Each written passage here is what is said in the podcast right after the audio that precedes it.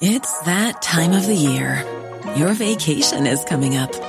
You can already hear the beach waves, feel the warm breeze, relax, and think about work.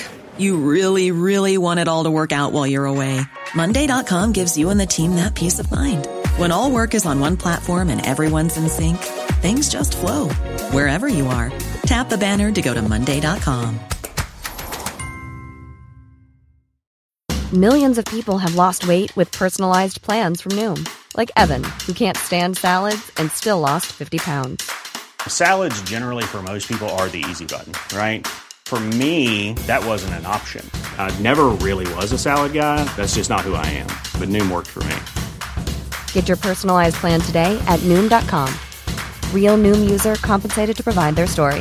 In four weeks, the typical Noom user can expect to lose one to two pounds per week. Individual results may vary.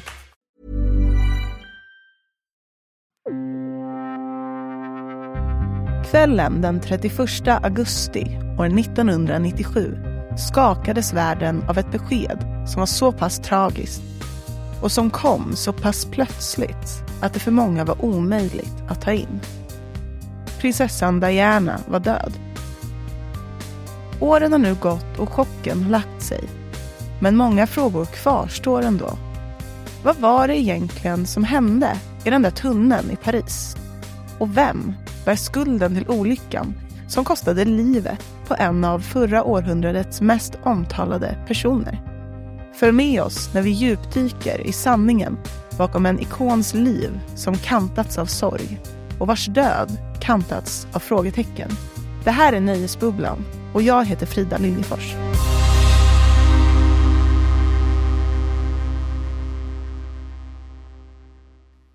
Prinsessan Diana, eller Diana Spencer som hon hette då, föddes den 1 juli år 1961 och växte upp i en välbärgad, aristokratisk familj med kopplingar till det brittiska kungahuset. Barndomshemmet delade hon med tre syskon. Två äldre systrar och en yngre bror. Tillsammans växte de upp i en stor herrgård på den engelska landsbygden. Som ung hade Diana stor fallenhet för idrott och sport men var rätt ointresserad av skolan. När det väl blev dags för henne att göra sina examensprov var hon tvungen att ta om dem två gånger för att lyckas komma in på universitetet. Men det akademiska var inget som den unga Diana hängde upp sig på. Istället ägnade hon sig åt sin stora passion för dans och musik och hade vid det här laget blivit känd för både sin grace och sin uppenbara självsäkerhet. Och det var en kombination av de egenskaperna som först gjorde att Englands framtida kung, prins Charles, uppmärksammade Diana. Paret introducerades för första gången år 1977 och fyra år senare friade Charles till Diana med en vacker och exklusiv förlovningsring bestående av en 12 karat Safir omringad av diamanter. Men vägen från det första mötet till förlovningen var inte spikrak. Nöjeslivets reporter Jonna Claesson berättar mer. När prins Charles och Diana träffades för första gången i Dianas föräldrahem 1977 så var det inte mycket som talade för att de två skulle bli ett par. Diana var bara 16 år gammal och Charles, som var 12 år äldre, hade hunnit fylla 28 år. Men det kanske största hindret på vägen var anledningen till att Charles hälsade på. Han dejtade nämligen Dianas äldre syster, Sarah. Den relationen rann dock snart ut i sanden, men intrycket av den karismatiska yngre systern levde kvar.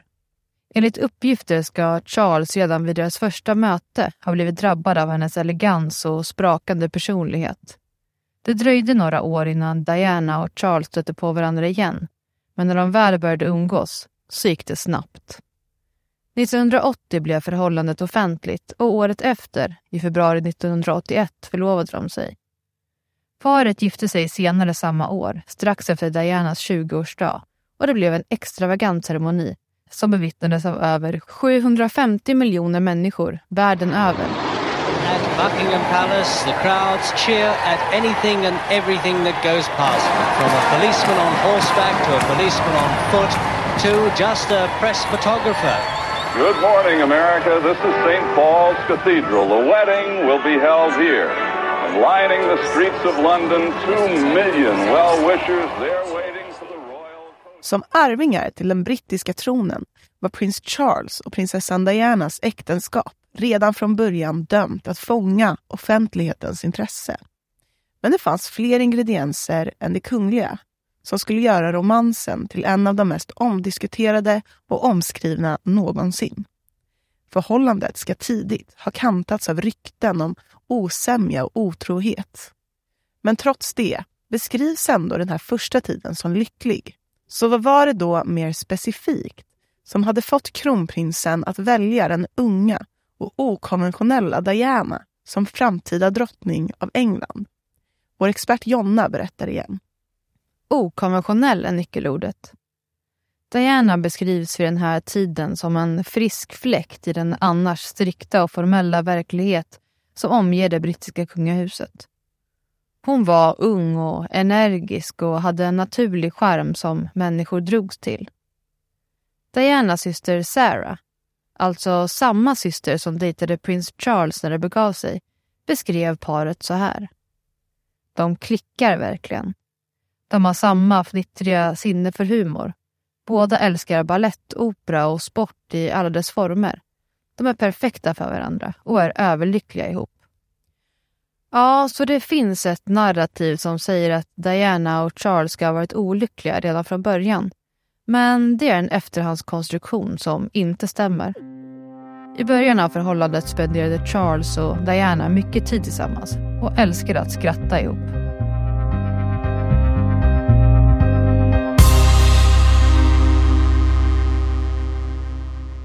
Efter bröllopet blev prinsessan Diana snabbt en populär medlem av det brittiska kungahuset. En kombination av hennes charm och hennes förmåga att sympatisera med den vanliga människan gjorde henne snabbt älskad bland folket. Diana började också engagera sig i välgörenhet och blev ambassadör för frågor som var högt på agendan under 80-talet. Bland annat aids, hemlöshet och minröjning. Även här möttes hon av stor beundran och respekt för sin skicklighet att belysa de allra svåraste frågor på ett ödmjukt sätt. Men också det faktum att hon upplevdes genuin i sitt engagemang. Men trots stora framgångar inom den offentliga delen av hennes liv så började det bli allt tyngre för Diana privat. Hennes äktenskap med prins Charles kantades som sagt tidigt av olika rykten och i takt med att åren gick så blev det allt tydligare att olyckskorparna hade haft rätt. Och 1992 valde paret att gå skilda vägar. Uppbrottet mellan Diana och Charles innebar inte bara en privat tragedi. Det blev också en av de mest omtalade och omskrivna nyheterna någonsin. Inte bara i Storbritannien, utan i hela världen. Paret hade då varit gifta i över ett decennium och hade två barn tillsammans. Och trots en lycklig början så hade förhållandet långsamt brutits ner till ett bittert och kallt krig. Vår expert Jonna berättar mer om vad som egentligen hände mellan paret som till synes hade hela världen för sina fötter. Det korta svaret är att de växte ifrån varandra. Diana var bara 19 år gammal när de förlovade sig och knappt fyllda 20 när de gifte sig. Charles var 12 år äldre och i takt med att åren gick fick de allt mindre gemensamt. De egenskaperna som först hade attraherat Charles, Dianas äventyrslust och hennes vana att bryta konventioner, blev med tiden allt mer ett bekymmer för den traditionsbundna och konservativa prinsen. Men det var såklart framförallt otroheterna som tärde på relationen.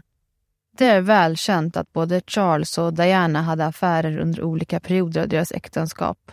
Och det var framförallt Charles pågående relation med Camilla Parker Bowles som han senare skulle gifta sig med efter skilsmässan som sårade Diana.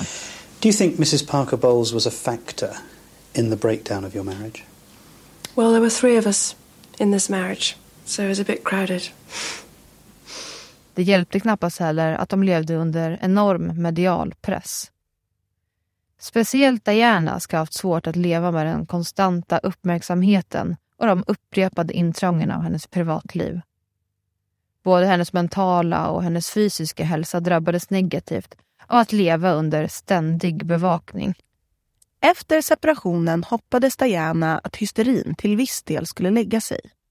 Hon ville ägna sin tid åt sönerna, William och Harry och jobbade på att vända uppmärksamheten kring hennes person till något positivt genom att rikta strålkastarljuset mot hennes olika välgörenhetsprojekt.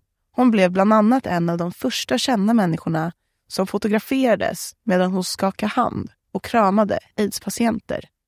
Något som för många var helt ofattbart på 90-talet. The Broderick ward of the Middlesex Hospital is the only specially designed AIDS ward in Britain.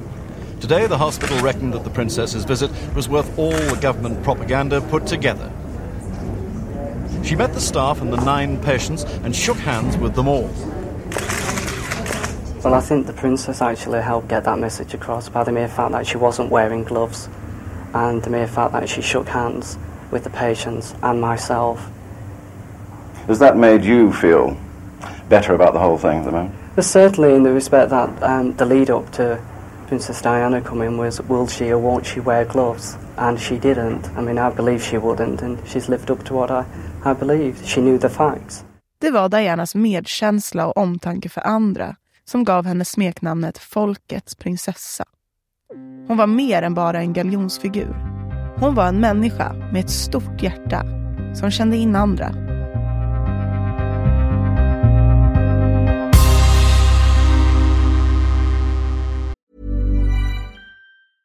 Hey, I'm Ryan Reynolds. Recently, I asked Mint Mobile's legal team if big wireless companies are allowed to raise prices due to inflation. They said yes. And then when I asked if raising prices technically violates those onerous two year contracts, they said, What the f are you talking about, you insane Hollywood ass?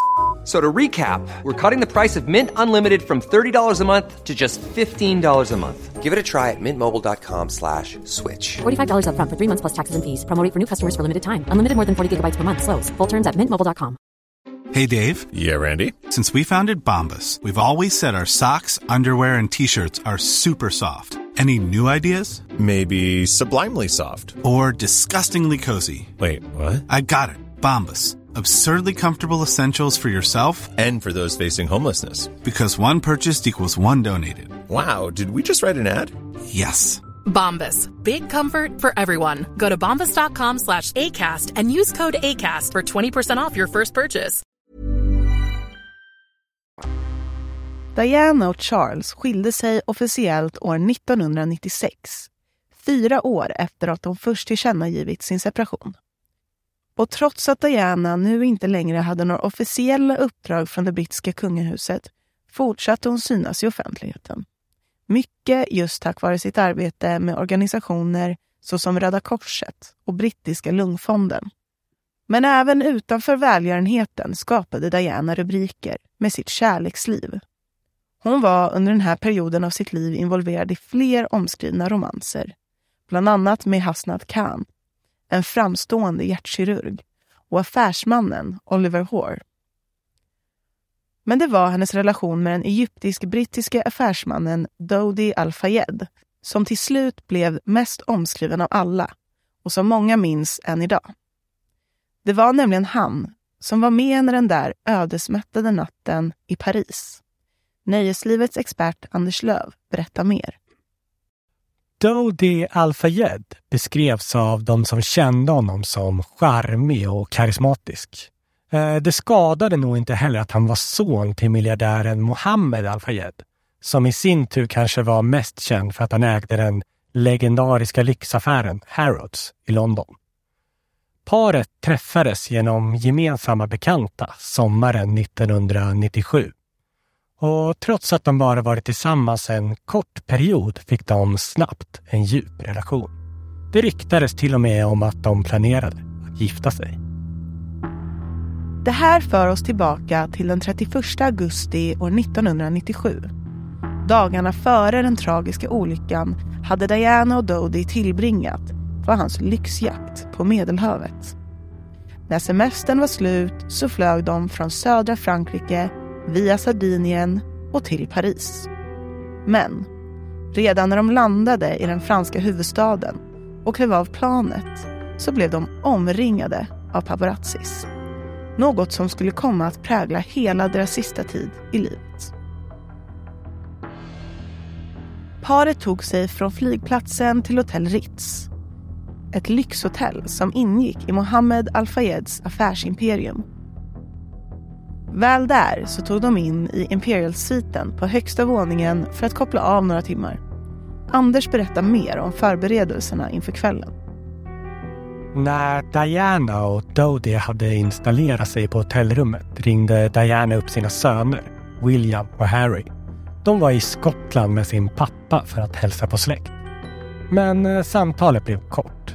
Pojkarna som då var 12 och 15 år gamla växlade bara några snabba ord med sin mamma innan de gav sig ut för att leka med sina kusiner igen. Det blev den sista gången som Harry och William talade med sin mamma. Något som båda, nu i efterhand, säger att de ångrar. She calls in and, and Prince William's playing. You know, he goes to the phone, chats to her, wants to get out and, you know, play with his cousins. Um, hands over to Harry, who does the same thing. Both of them just, you know, are desperate to go out and play. Prince Harry sort of says that that conversation will, you know, kind of haunt him for the rest of his life. Efter telefonsamtalet besökte Diana en frisörsalong för att eh, piffa till sig inför middagen. Samtidigt passade Dodi Al-Fayed på att besöka en eh, juvelerare i närheten för att plocka upp en förlovningsring som han enligt sin familj planerade att fria med redan samma kväll.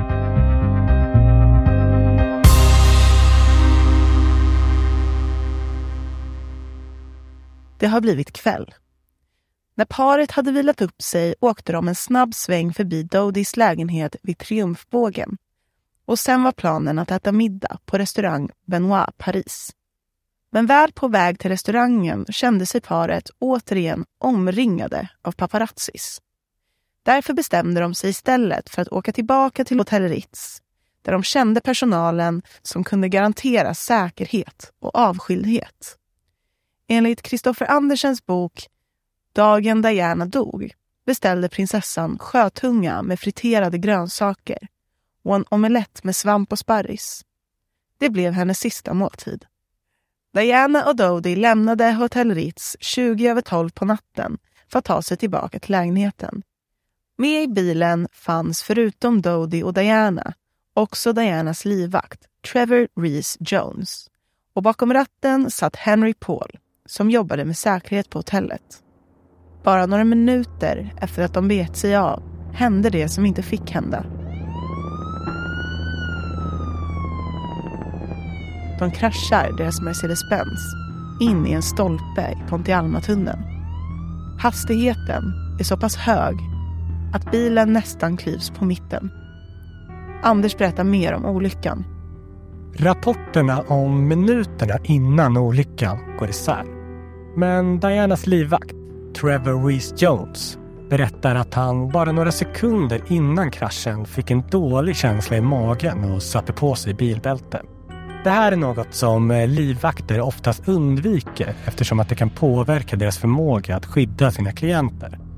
Men eh, den här gången blev det avgörande för att rädda ett liv. Trevors eget.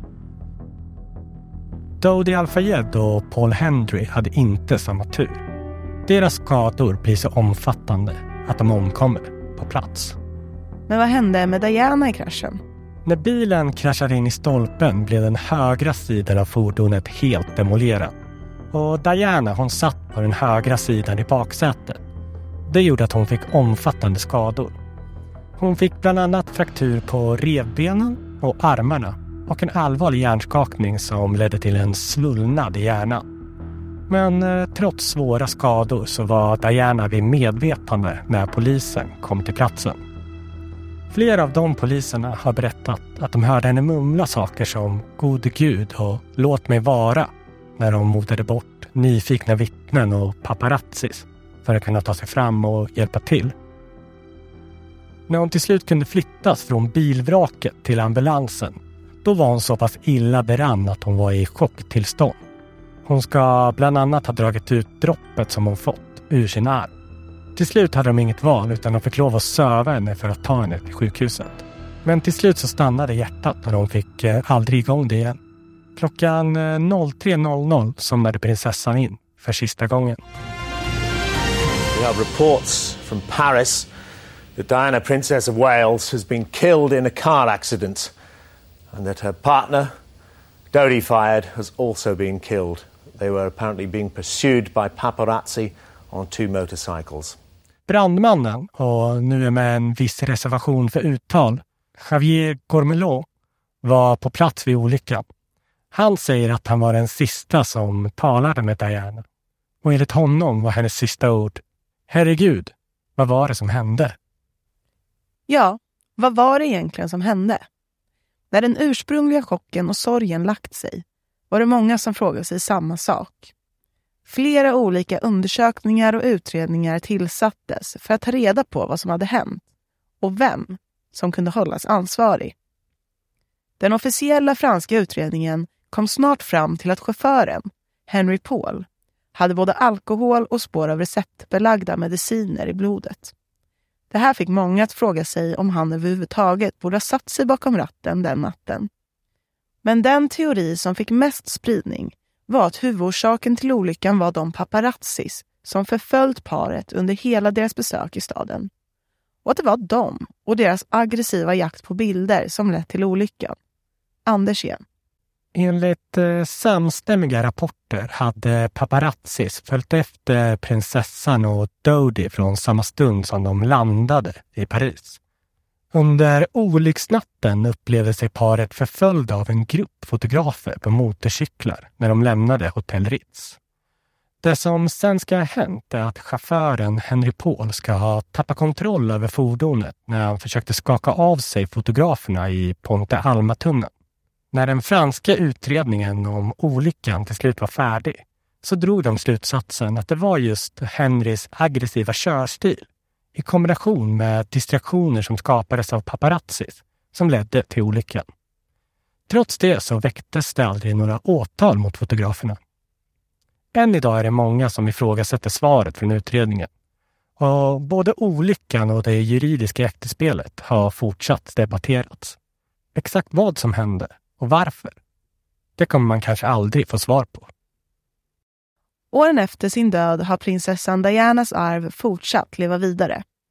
Hon är ihågkommen såväl som en stilikon som en symbol för styrka och beslutsamhet.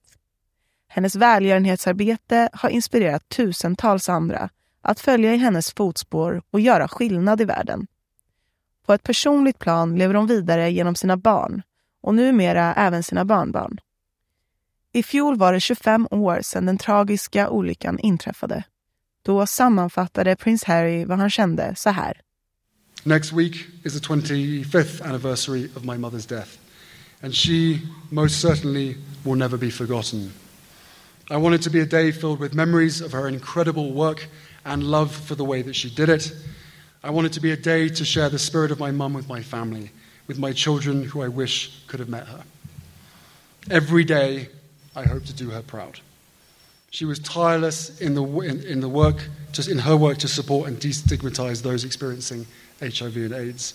Fittingly, her favorite flowers were forget me nots. I hope we can remember my mother's legacy by recommitting to those that we serve, whoever and wherever they may be. Du har lyssnat på Nöjesbubblans avsnitt om prinsessan Diana och hennes sista dagar i livet. Med mig, Frida Liljefors. Anders Löv och Jonna Claesson. Den här podden är producerad av Newsner.